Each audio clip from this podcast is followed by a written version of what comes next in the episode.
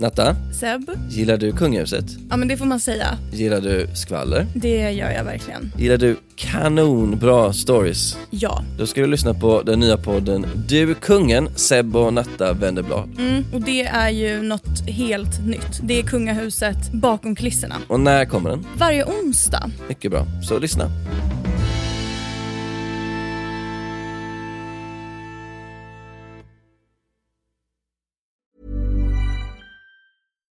Here's a cool fact a crocodile can't stick out its tongue. Another cool fact you can get short term health insurance for a month or just under a year in some states. United Healthcare short term insurance plans are designed for people who are between jobs, coming off their parents' plan, or turning a side hustle into a full time gig. Underwritten by Golden Rule Insurance Company, they offer flexible, budget friendly coverage with access to a nationwide network of doctors and hospitals. Get more cool facts about United Healthcare short term plans at uh1.com.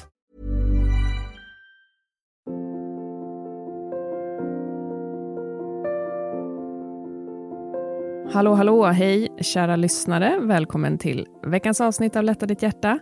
Elin Samuelsson heter jag och jag är journalist på Alamedias familjetidningar och experten vid min sida heter Helena Kubicek Boye, psykolog. Hej, hej! Hej Elin! Hej! Hur är läget med dig idag? Men det är bara bra.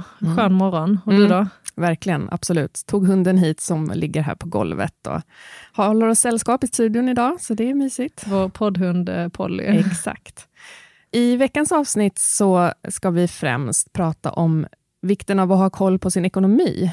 Eh, Och dagens läsarberättelser är skrivna av två kvinnor som tappat kontrollen över sin ekonomi av lite olika anledningar.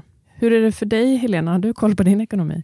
Jo, men jag har alltid haft det, men Mm. jag ska också säga ärligt, när jag blev 40 så insåg jag att jag ville ha ännu mer koll. Och jag läste en jättebra bok, jag minns inte vad den hette, Mm. men hur man skulle liksom skapa ännu bättre ekonomi. Och det var verkligen att gå igenom det är ett tips till alla. Mm. Gå igenom ett par månaders kontoutdrag. Alltså Okej. kolla verkligen var du lägger pengarna och var Mm. det går. Efter det så känner man att man får en annan uppfattning om, om sin ekonomi. Som nu sitter jag med kaffetermos här istället Mm. för att köpa en kaffe till exempel. Smart. Det var en rest av den eh, boken. Det borde jag ha Och du då? efter. Nej, jag, jag köpte kaffe här i morse, men, nej, men jag brukar vara... Eh, jag är ganska ekonomiskt lagd. Jag har inte superkoll på alla utgifter, sådär, men jag betalar räkningar i tid och tycker det är jobbigt om det ligger eh, oöppnade brev och sånt där liksom, hemma. Så jag tar tag i det ganska bra direkt. Men jag tror det vi kommer att höra om idag Mm. är ganska vanligt faktiskt. Mm. Så att det blir Mm. spännande ämne. Precis. Först så har vi en berättelse här från Solveig, som efter sin makes död inser att hon inte har någon som helst koll på deras gemensamma konton. Och så har vi Anna som börjar spela på kasino och spela bort alla sina sparpengar. Ja, du Helena, det är ju lätt hänt för vissa det där att när det kommer till sin privatekonomi så stoppar en, en del av oss huvudet i sanden, eller? Ja, jag har stött på det ofta och ibland är det man själv som har gjort det, ibland är det en partner. Och eh, oftast är det någon anledning att man kanske har varit med om att det har varit en jobbig ekonomisk period, det väcker ångest till exempel. Mm. Eller så är det bara att man inte kan eller inte har lärt sig hur man ska göra från början. Nej, just det. Nej, det kanske är något man borde ha fått med sig hemifrån kanske redan direkt, att hur, man ska göra med ekonomi. Vi börjar lyssna på Solveigs berättelse.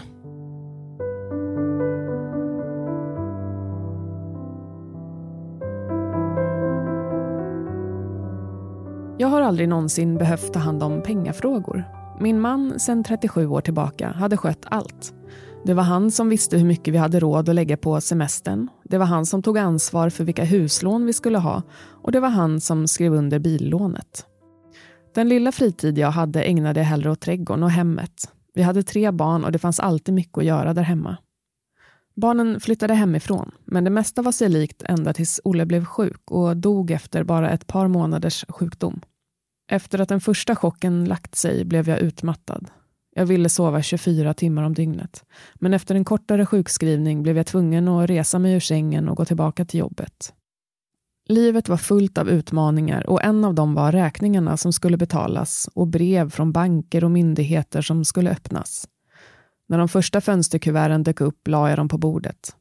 Jag hade inte gjort en inbetalning sedan jag som 18-åring stegade in på posten och betalade medlemsavgiften till den lokala handbollsklubben.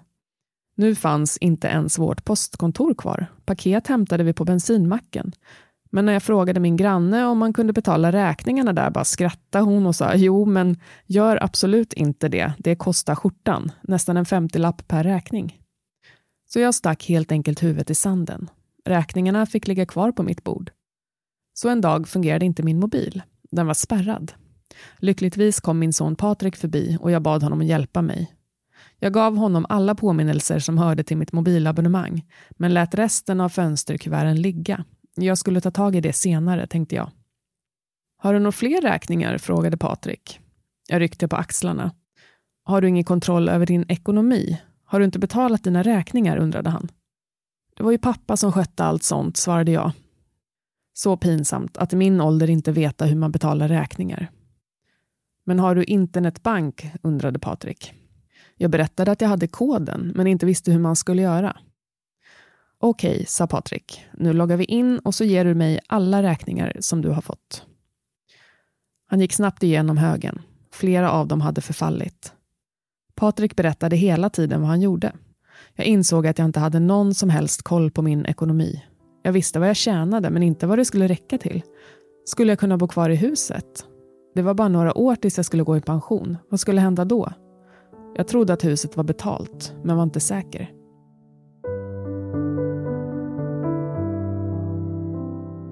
Ja, där tar vi som vanligt en liten paus i berättelsen innan vi lyssnar vidare.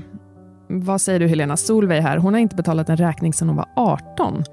Är det extremfall tror du, eller är det fler än hon? Det finns nog fler. Det är nog inte jättevanligt att man har varit så frånkopplad från att administrera, admin of life som mm. man kan kalla det. eh, och otroligt att hon har klarat det ändå. Så. Ja. Så att, eh, men hon har väl gjort allt annat. Ja. Eh, det är väl de som också har träffats väldigt tidigt mm. Eh, och haft samma relation länge och inte behövt utmana sig och förändra någonting Nej. som kan hamna i det här. Det här med att låta räkningar bli liggande, varför gör man så tror du? Trots att man vet att det kan gå till inkasso Ja, du, det här, alltså, sånt som är obehagligt för oss, eh, den mest primitiva strategin är ju faktiskt, om vi ska skoja lite, det är ju ett undvikande, att mm. vi låtsas som det inte finns. Men mm. alltså, när det är någonting vi inte känner vi kan hantera och vi inte är motiverade att ta tag i det, så blir det ett undvikande. Och här kan det ha varit att eh, ja, man, man känner sig bara att det är för jobbigt att ta tag i helt enkelt. Mm. Tror du att det här är vanligt om man ska bli lite stereotyp, att en kvinna i ett heterosexuellt förhållande lämnar alla ekonomiska frågor till sin man? Tror du det är vanligare än, än andra hållet? Liksom?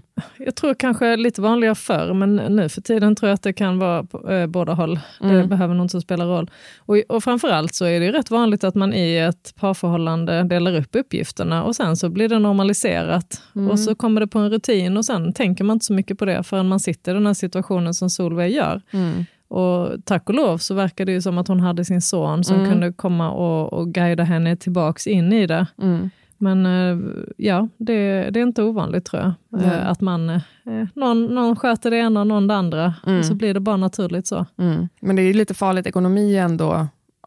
Det är ju viktigt liksom. Sen tänker jag också, hon berättar ju här hur det ändå, det har ju ändrats väldigt mycket hur man hanterar en ekonomi och det är rätt så stor inlärningskurva att gå från vad var det hon försökte göra först? Det var en post, eller gå ja. till posten, mm. till att du idag har en app du kanske betalar ja. i. Alltså den inlärningskurvan är ganska hög och stor också mm. om man är i den åldern, så då kan det bli övermäktigt. Ja. Mm. Och de vita kuverten som vi pratar om. Jag tänker mm. man kanske ska ändra utseende på dem. Det kanske är dags att uh, ge dem en annan färg och ta bort Precis. fönster. Eh, för det väcker ångest hos många, vita ah. kuvert. Det vet ah. jag själv om jag går till brevlådan och så ser man massa vita kuvert. Det är ju ah. inte så att man bara oj, vad är detta för spännande, eller hur? Nej, det är sant. Men ett handskrivet kuvert med något fint. Ja. så här, Åh, det här vill man öppna. Liksom. Precis, en liten blomma på en person. Jag kan själv tycka att ah, men de här vita kuverten, de tar jag på fredag eller på måndag. Eller sånt. Alltså, öppna inte dem direkt, för man vet, det är oftast inte så här. Du måste vara lite laddad, eller så vara på ja, bra tänker, humör. Ja, men jag tänker man behöver inte ta dem direkt. Liksom, okay. och jag tar dem direkt, alltså på ja. väg upp till dörren från postboxen. Då mm. öppnar jag dem och ser.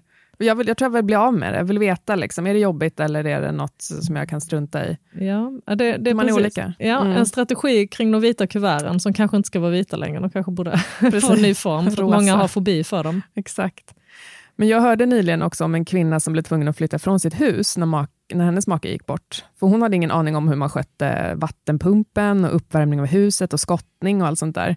Vad är, vad är risken liksom med att lämna över vissa ansvarsuppgifter till sin partner? Sådana här viktiga saker som ekonomi och liksom hur ett hus funkar, istället för att lära sig hur saker och ting funkar. Allting med ett hem. Ja, men det här tror jag är ännu vanligare och, och det är ganska också, vi är bekväma. Vi, vi väljer kanske att göra det vi är bra på, det vi kan. Och sen, det har jag också en väninna som har tagit över huset efter en separation och bara att lära sig hur, hur har hela larmsystemet, hur fungerar det med rören och poolen Mm. och allt sånt. Det har hon fått lära sig. Det som de har haft i 20 år har ju fått ta ett år för henne att lära sig nu och, Mm. och komma in i allt. Det blir en himla hög stressnivå och hon har funderat flera gånger på om hon ska fortsätta bo där eller flytta, men bestämt sig för att bo kvar. Men eh, jag tror en, del eh, går inte över den inlärningskurvan och det blir för stressigt, så då flyttar man tror jag Mm. till någonting enklare. Istället för att lära sig hur det funkar, vilket ju också kan ge en styrka, tänker jag. Alltså så att man känner sig lite, ehm, om man har ett hus och lär sig hur pumpen funkar, att liksom yes, jag klarar det här. Alltså, Ja, och det kanske man hade själv kanske inte valt att bo i ett stort hus med allt det där om man hade varit själv. Nej, det kan man också det. tänka att det kan ju vara ett Mm. gemensamt beslut där ena partnern har varit mer eh, taggad på att göra de här sakerna. mm. Solveig hon får hjälp av sin son här och eh, hon säger att hon har en kod till sin internetbank, men hon vet inte hur det funkar. Kan det här vara ett hinder för vissa, tror du? Du var inne på det, liksom, att det är en stor tröskel där. Alltså digitaliseringen av banktjänster. Det är inte alla som är bekväma med att hantera sådana viktiga saker som ekonomi på nätet. Ja, men det är verkligen både, jag har träffat på både patienter, dels beroende på ålder, men också kanske att man har en annan kulturell bakgrund eller nyligen kommit till Sverige, så som har, alltså det här med bank-id, att administrera saker. eh, Och det också en annan fara, det kommer ju att vi kan beställa saker så får vi bara ett mejl med en faktura. Det är väldigt lätt att, att missa när vi inte får ett kuvert. Så det är ett helt annat sätt att tänka ett flöde i ekonomi där siffror är bara siffror på ett papper. Vi har inga fysiska pengar, vi Nej. betalar med vår telefon. Just det. Så jag tror att det är, är svårt. Jag har, bara, jag har en svärmor som är, blir 92, eller mina barns farmor är det egentligen. Men hon, eh, jag, jag är förundrad att hon klarar av att sköta eh, allting själv. Hon gör det. Mm. Men det är ju inte lätt och, och hon ringde häromdagen och sa det går ju inte att få en tid på banken längre. Nej. Jag vet inte hur jag ska göra nu för då har hon haft det innan, i alla fall en gång i månaden, kunnat få hjälp. eh, Mm. Eh, Så att, nej, det är inte lätt för de äldre tror jag och Nej. de som inte har kommit in i systemet från början. Mm. Eh, Och man har också, ibland har man ett dåligt självförtroende vad det gäller det digitala. Kanske lite vanligare för kvinnor som inte kanske har varit eh, med i det här från början då. Mm. Äldre då. Det finns ju en eh, tjej som heter Malin Pärlheden som har skrivit eh, böcker om det här nu, som heter Digitant. Eh, två böcker tror jag det finns, med guider hur man gör faktiskt. För, de är skrivna för äldre för att kunna hitta rätt på nätet om ekonomi och allt sånt där. Och sociala medier. Och, Superbra tips till lyssnarna med den boken. mm. Ja, men vi lyssnar vidare. På kvällen loggade jag in på internetbanken och kom fram till att jag hade tre konton. Ett lönekonto, ett sparkonto och ett huskonto. På sparkontot fanns det mest pengar, men också en del på huskontot. Men vad var ett huskonto för något? Nästa dag gick jag in på min bank. Det visade sig att jag hade en personlig bankman som följt vår ekonomi i över tio år. Jag har pratat med din man många gånger, jag kan hjälpa dig, sa bankmannen. Huskontot hade Olle öppnat för att sätta av pengar till reparationer och oförutsedda utgifter. Det var en härlig känsla att få överblick över ekonomin. Nu visste jag var jag stod och kände mig lugn. Aldrig ska jag säga att jag inte är intresserad av ekonomi. Har man ingen koll på sina pengar har man ingen koll på sitt liv.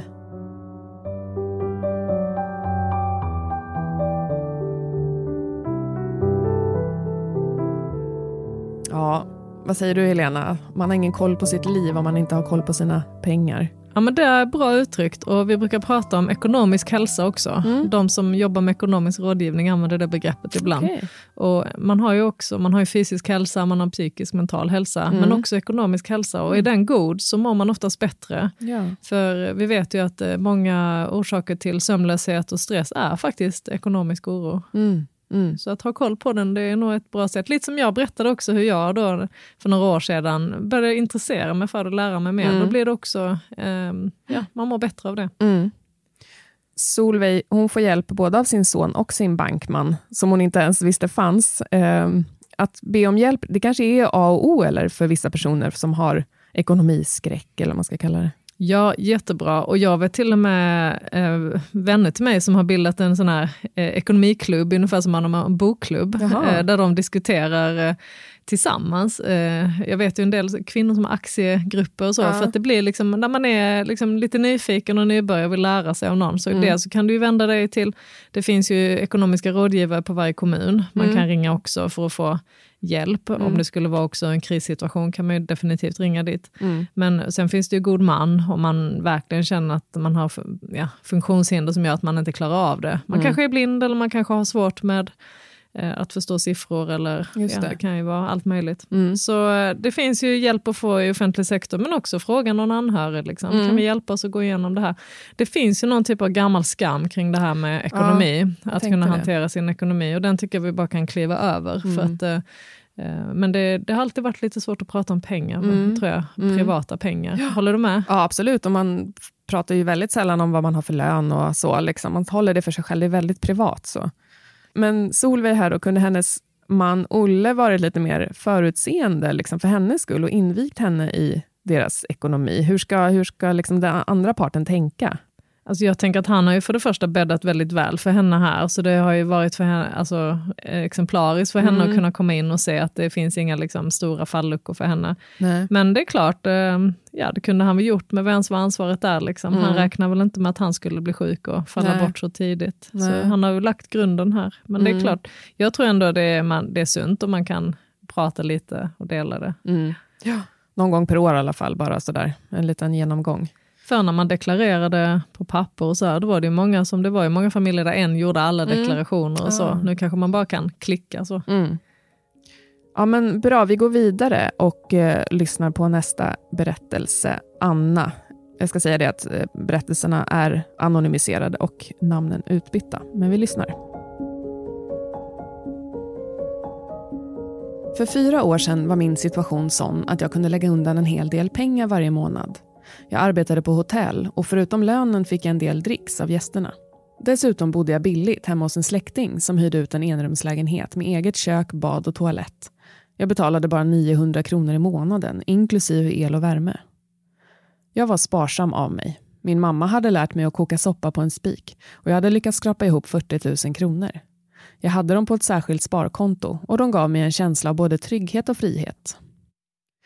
Sedan en skolresa till London har jag varit fascinerad av staden och eftersom jag nu hade lyckats spara så pass mycket pengar bestämde jag mig för att belöna mig själv med en resa. Jag reste ensam och det passade mig bra. Genom att flyga med ett lågprisbolag och bo på ett billigt hotell behövde ju resan inte kosta så mycket.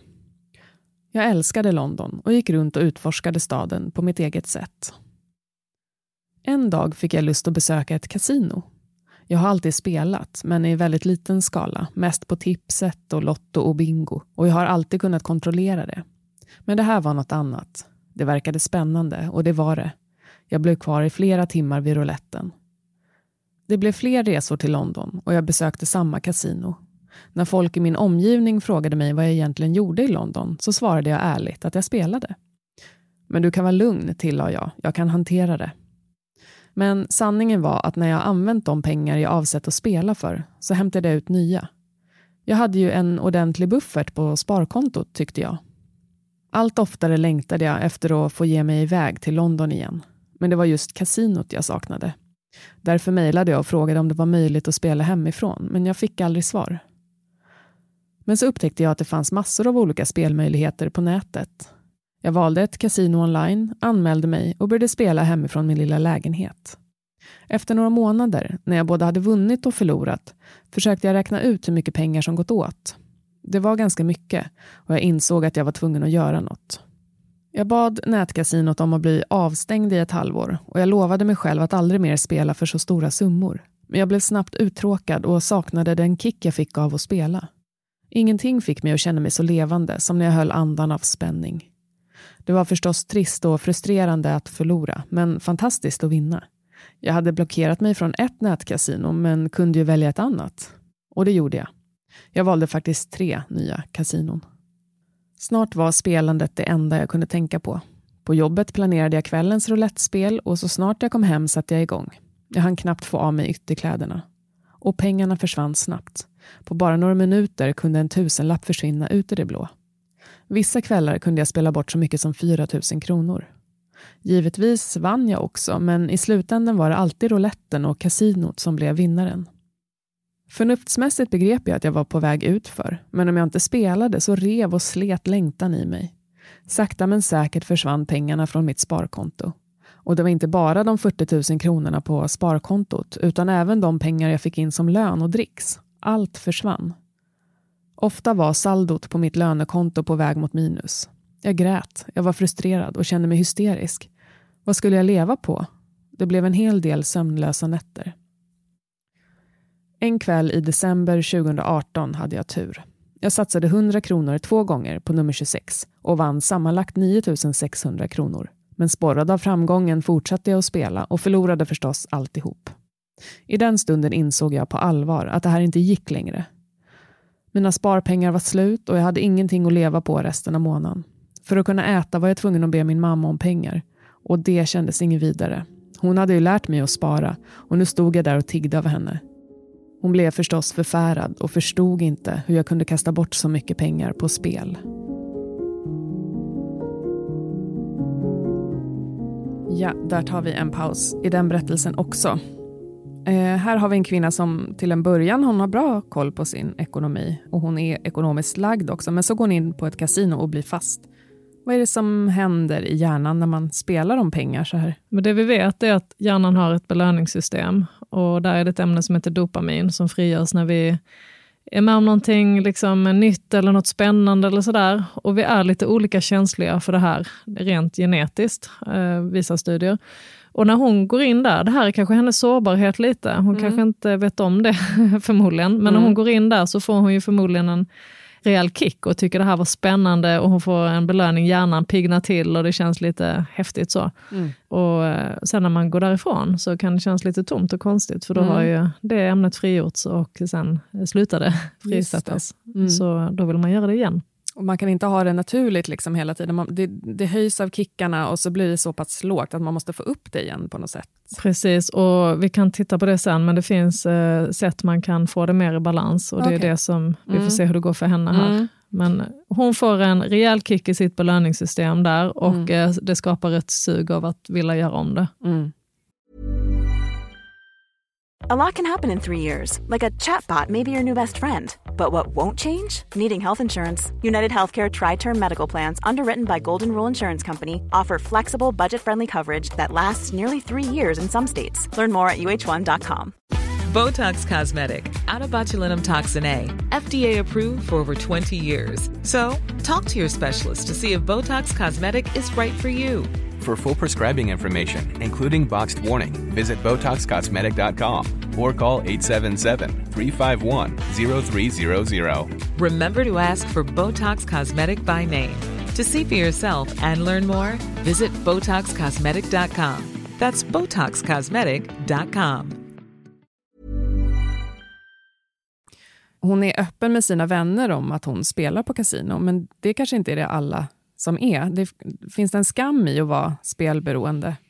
Jo, men det tror jag i alla fall förr. Sen började ju, nu ska vi inte nämna så mycket namn här, men jag minns ju när de började, liksom, ungefär som när man skulle lansera snus för kvinnor, så mm. blev det rosa små askar med fina namn. Och här blev det också Casino online och sånt som fick namn som Maria Casino kanske, eller Eva, eller jag hittar på lite, men mm. att här försöker man också göra att det ska bli mer normaliserat ju, och att tilltala nya grupper. Så det kan ju vara så också att hon eh, tycker inte det är så farligt, för det har börjat pratas om det mer, att kasino, ja det är lite kul och det är lite spännande och mm. fler och fler börjar upptäcka det, mm. både på nätet och på riktiga ställen. Då. Mm.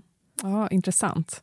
Hon hade som, bra, som sagt bra koll på sin ekonomi. Hon tycker att hon har en buffert på kontot. Men varför kan hon inte inse då att den liksom kan ta slut när hon förlorar på rouletten? Har hon, är det någon slags förnekelse där, liksom, eller man, man vill inte se? Men jag, jag tror verkligen att hon eh, trodde att hon hade kontrollen på det hela. Och sen blir det lite så att hade du suttit med en hög med pengar, Elin, hade vi suttit här haft 40 000 här i, i fysiska pengar mm. och, och, vi sa så du ska satsa så här en tredjedel av dem på den här, mm. då blir det så himla visuellt tydligt. Mm. Men idag när det bara är siffror, liksom, det kan man själv se på sitt bankkonto, att det kanske inte är så jättestor skillnad om det står en sjua eller en trea liksom, i, mentalt. Eh, men om vi, så jag tror också det kan ha gjort att hon inte liksom förstod riktigt att det här blir faktiskt en minskning. Och, då, Nej. och sen lever man ju på såklart eh, att man ska vinna. Ja, Eh, exakt. Men hon inser ju i alla fall här att det börjar bli ett problem och så stänger hon av sig från ett kasino. Men så skriver hon att ingenting fick mig att känna mig så levande som när jag höll andan av spänning. Och hon börjar spela på tre andra kasinon istället. Det eskalerar och, och komma hem och få spela är det enda hon tänker på när hon är på jobbet. Det blockerar liksom alla andra tankar eller? Och här ser vi hur det här dopaminsystemet börjar styra över henne. Att hon söker den här spänningen och så lurar hon sig själv och det är en del av förnekelsen. Och vi kan jämföra med alkohol där. En del då som dricker som bestämmer sig, ah, men jag dricker inte sprit men jag kan dricka vin och öl till exempel. Eller jag vet en alkoholist som berättar för mig att han, han blandade sprit med mjölk och då var det inte lika farligt tänkte han. Och att man kan liksom på något sätt lura sig själv till att fortsätta, för man vill så gärna ha den här belöningen. Men man stänger av sig från ett ställe, man går inte till baren men man Nej. dricker hemma. Så det här är inte alls ovanligt. Och sen tycker jag också det blockerar alla andra tankar. Och så är det ju när man har utvecklat ett beroende. Det kan ju vara allt ifrån alkohol, spel, sex, eh, ja, tabletter. Att hela ens alltså hjärna eh, är fokuserad på när kan jag få min nästa kick? När kan jag få det här nästa eh, behovet som jag vill ha tillfredsställt? Så det är ju där det börjar bli konsekvenser för folk. Det är då man börjar försumma andra delar av livet. ju. Anna här, hon förstår att hon är på väg ut för men längtan efter att få spela, den river och sliter i henne. Men, men, men det jag då inte kan förstå är hur kan det vara värt att riskera att bli av med alla sina sparpengar? Liksom, och eh, hon får gå till mamma och äta mat. Hur kan, hur kan jakten på spänning vara större än det, än tryggheten? Liksom? Ja, det är inte alla som fastnar i det här som vi sa, utan det är de som är lite mer känsliga i sitt dopaminsystem, Mm. tror jag, som, som kan relatera till det här. Men eh, det, det tar över och det, vi vet inte riktigt ännu, men det, vi vet att det finns både arv och miljö i det här. Mm. Sen tänker jag, om man backar bandet för henne här, så kan det ju vara, hur roligt var hennes liv innan? Liksom? Mm. Alltså, vad var det för innehåll innan? Vad var det som fick henne att gå till kasinot eller åka själv till London? Mm. Hon hade kanske inte annat som gjorde henne så stimulerad eller glad, som gjorde att just det här eh, tog tag i henne så mycket. Nej.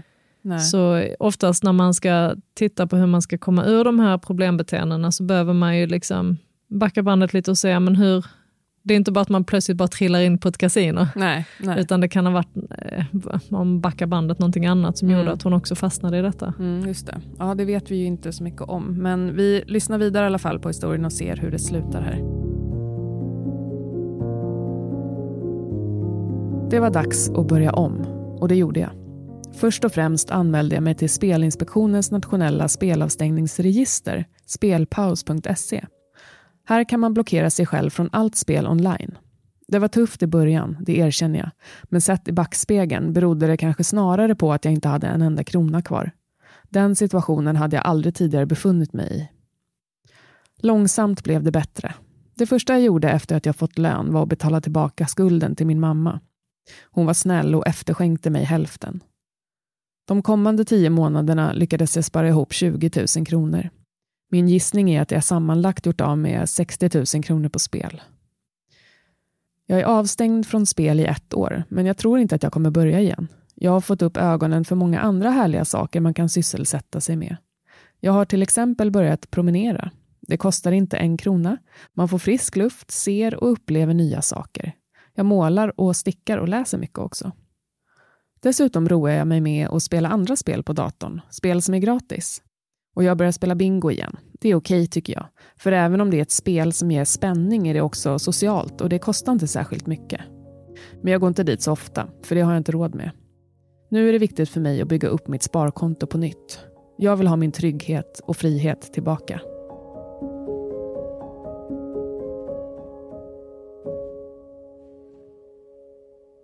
Anna, hon lyckas självmant stänga av sig från alla spelsajter. Men, eh, men sånt kanske man kan behöva hjälp med, tänker jag, eller? Ja, men det är jättebra, att, och det är en fin historia att det, det blir så här för henne. Mm. Men det finns ju, eh, på många kommuner har man ju så här, eh, precis som man har beroenderådgivning, så finns det rådgivning för spelmissbruk. Så känner man att man inte klarar av att sluta själv och det börjar bli konsekvenser, så kan man vända sig dit. Men eh, och även till en psykolog kan man ju Mm. också vända sig till på sin vårdcentral. Så att, men hon har lyckats ju ändå. Jag tror hon kanske, det här var på något sätt en period hon gick in i det här. Men för många blir det inte en period utan det blir ett långvarigt beteende. Mm, just det. Men hon, hon övergår till gratisspel på nätet som är, det kanske är mindre risk ekonomiskt, men, men mindre spänning också då.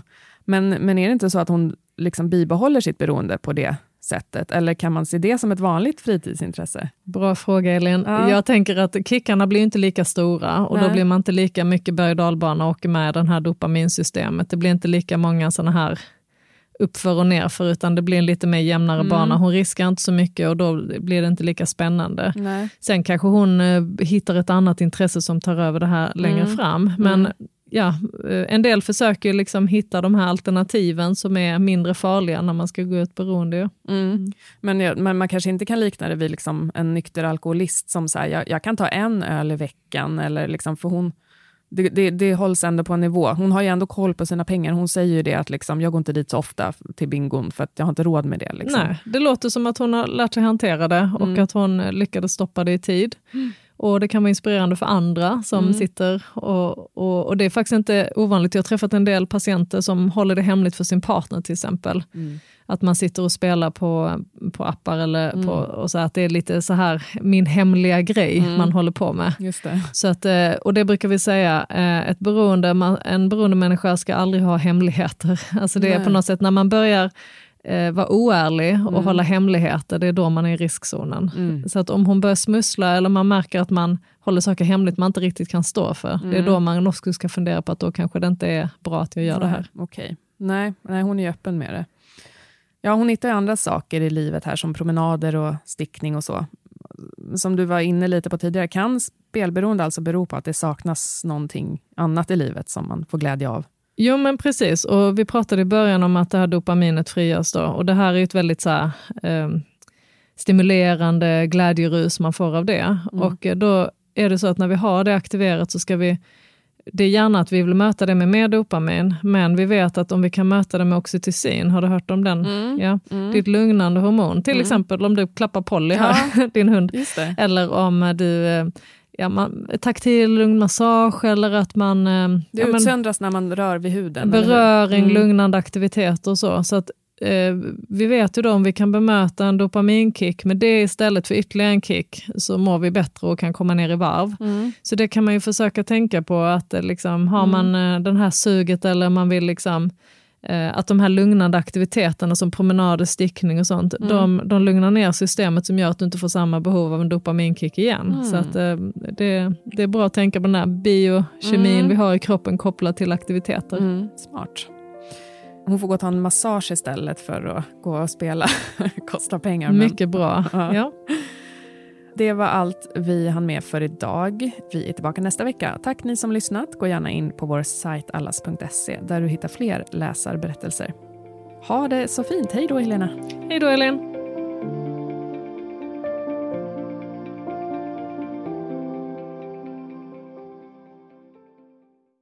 En podd från Allermedia. Botox Cosmetic, out of botulinum toxin A, FDA approved for over 20 years. So, talk to your specialist to see if Botox Cosmetic is right for you. For full prescribing information, including boxed warning, visit BotoxCosmetic.com or call 877-351-0300. Remember to ask for Botox Cosmetic by name. To see for yourself and learn more, visit BotoxCosmetic.com. That's BotoxCosmetic.com.